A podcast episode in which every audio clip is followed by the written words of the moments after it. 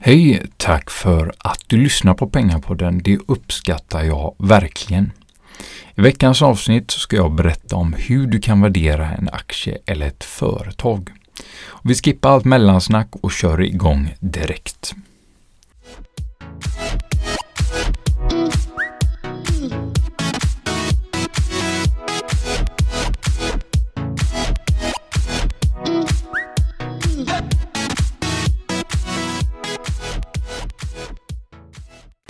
Det finns flera olika sätt och flera olika nyckeltal att värdera en aktie på. Det vanligaste nyckeltalet är P tal som står för Price Earning, alltså hur många gånger årsvinsten ett bolag värderas till. Genomsnittet på Stockholmsbörsen historiskt har varit P 14 eller 15. En del kollar även på PS-tal som är Price Sales. Man kan säga att det betyder hur många gånger omsättningen bolaget eh, värderas till. Så PS-tal är alltså ett nyckeltal som visar en akties pris i relation till bolagets omsättning. P-tal går inte att applicera på alla företag. Vi säger till exempel ett fastighetsbolag som säljer en av deras fastigheter och får en vinst som gör att vinsten ser jättehög ut. Men i själva verket kanske inte fastighetsbolaget säljer fastigheter så ofta så detta ses som en engångseffekt. Men skulle du då gå på P tal i det här fallet så skulle det säkert vara väldigt lågt med tanke på att vinsten ser väldigt hög ut om man inte justerar för engångseffekten i form av försäljningen av fastigheten. Här kanske du vill istället kolla på driftnetto eller förvaltningsresultatet som mått istället för P tal Men man kan egentligen ta med hur många olika parametrar som helst i en värdering. Och det beror på hur mycket tid och detaljerat du vill gå in på en verksamhet. Du kan till exempel eh, använda dig utav ebitda som är eh, ett bolags rörelseresultat eh, justera justerat för skatt, räntor, av och nedskrivningar. Du kan även använda dig av ebit som är ett företags vinst före skatt och räntor. Vill du även justera för eventuella skulder kan du använda EV-EBIT. Alltså EV är alltså lika med börsvärde plus nettoskuld.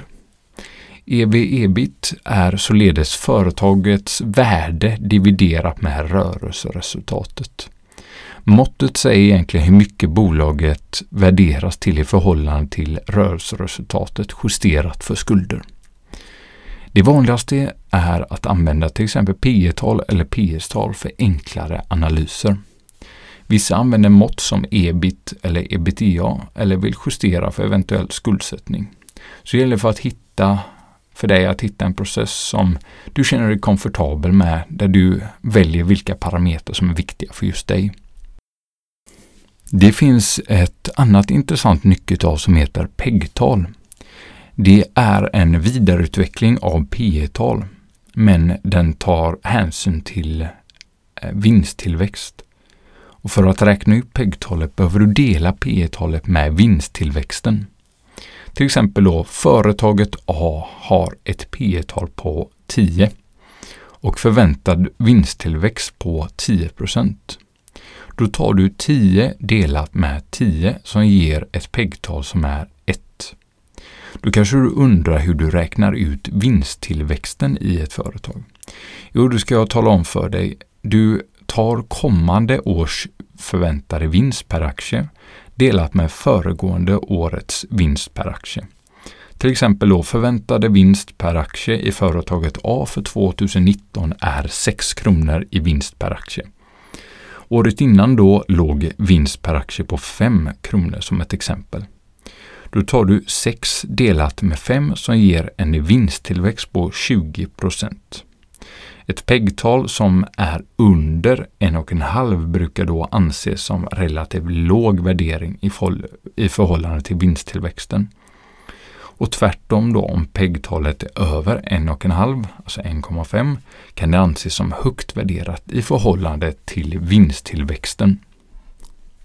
Men dessa alla nyckeltal går som sagt inte att applicera på alla typer av bolag som jag nämnde lite tidigare i avsnittet. För det svåra med värderingar är att börsen ofta är framåtblickande. Man gör oftast prognoser där man försöker prognostisera vinst eller tillväxt framöver.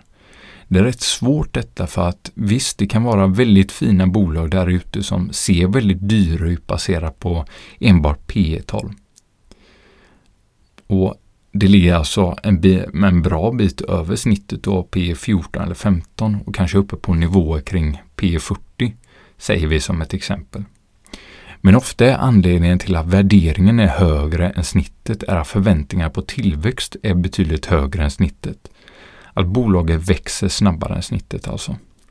Då förtjänar bolaget också en högre värdering för att bolaget kommer växa in i sin värdering snabbare om bolagets vinst ökar i snitt snabbare.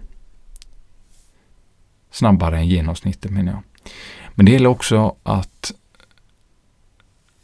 men detta ställer också väldigt höga förväntningar på bolaget. Det gäller verkligen att leva upp till dessa högt ställda förväntningar.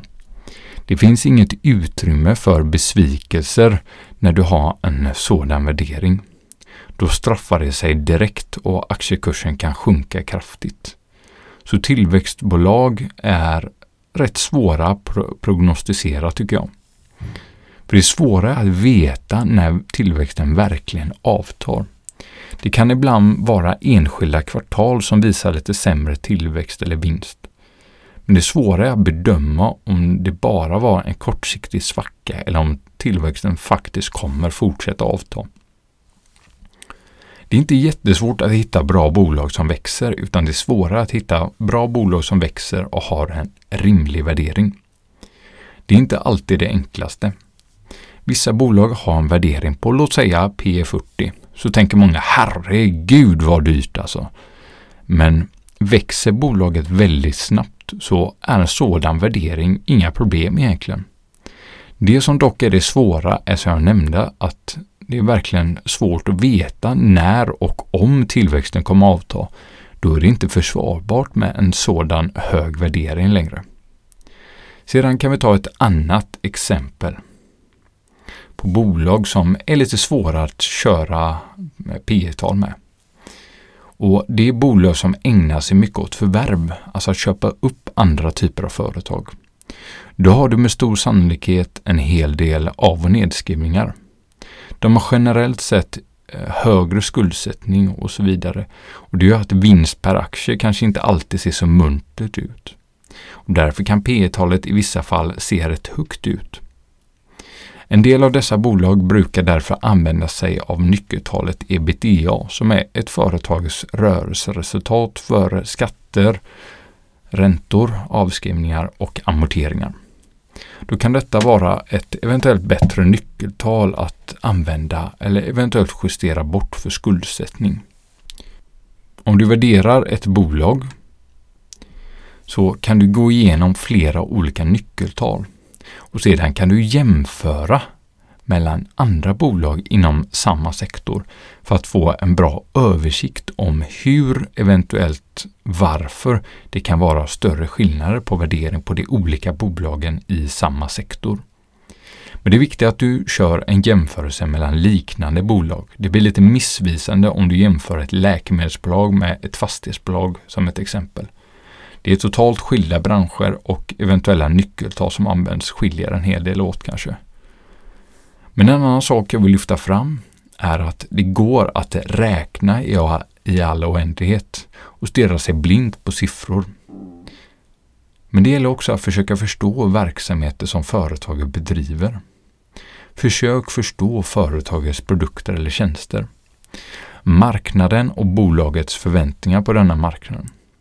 Hittar du en bra balans här mellan räkna på olika nyckeltal och försöka förstå verksamheten så har du väldigt bra förutsättningar för att lyckas hitta intressanta bolag att potentiellt investera i. För ibland är det viktigt att tänka ett steg längre. Det kan vara så att många saker i företag som spelar in. Det kan vara till exempel vilka som sitter i ledning och styrelse. För du kan ha världens bästa idé, men kan du inte genomföra den så är det ingenting värt. Men har du en riktigt bra ledning och styrelse på plats kan en halvbra idé bli riktigt bra. Och Sammanfattningsvis är det vanligaste nyckeltalen P tal som är hur många gånger årsvinsten ett bolag värderas till. Snittet historiskt på Stockholmsbörsen ligger på P 14 till 15. Sedan är ett annat vanligt nyckeltal PS-tal som innebär hur många gånger omsättningen bolag värderas till. Sedan har vi några andra nyckeltal som ebit, ebitda, ev-ebit, PEG-tal och så vidare och så vidare. Det är viktigt att förstå att alla nyckeltal inte går att applicera på alla verksamheter. Så använd flera olika nyckeltal för att försöka få en bred uppfattning om den potentiella värderingen i bolaget. Jämför bolag inom samma sektor för att se hur värderingarna skiljer sig åt mellan de olika bolagen. Försök även förstå verksamheten som företaget bedriver. Försök förstå deras produkter eller tjänster för att få en bra bild mellan värderingen och företaget som helhet. Hoppas du fått typ ut mycket av detta avsnittet. Vill du komma i kontakt med mig så mejla mig gärna på kontakt.pengarpodden.se eller skriv till Pengarpodden på Instagram. Tack för att du lyssnar och ha det så bra. Hej då!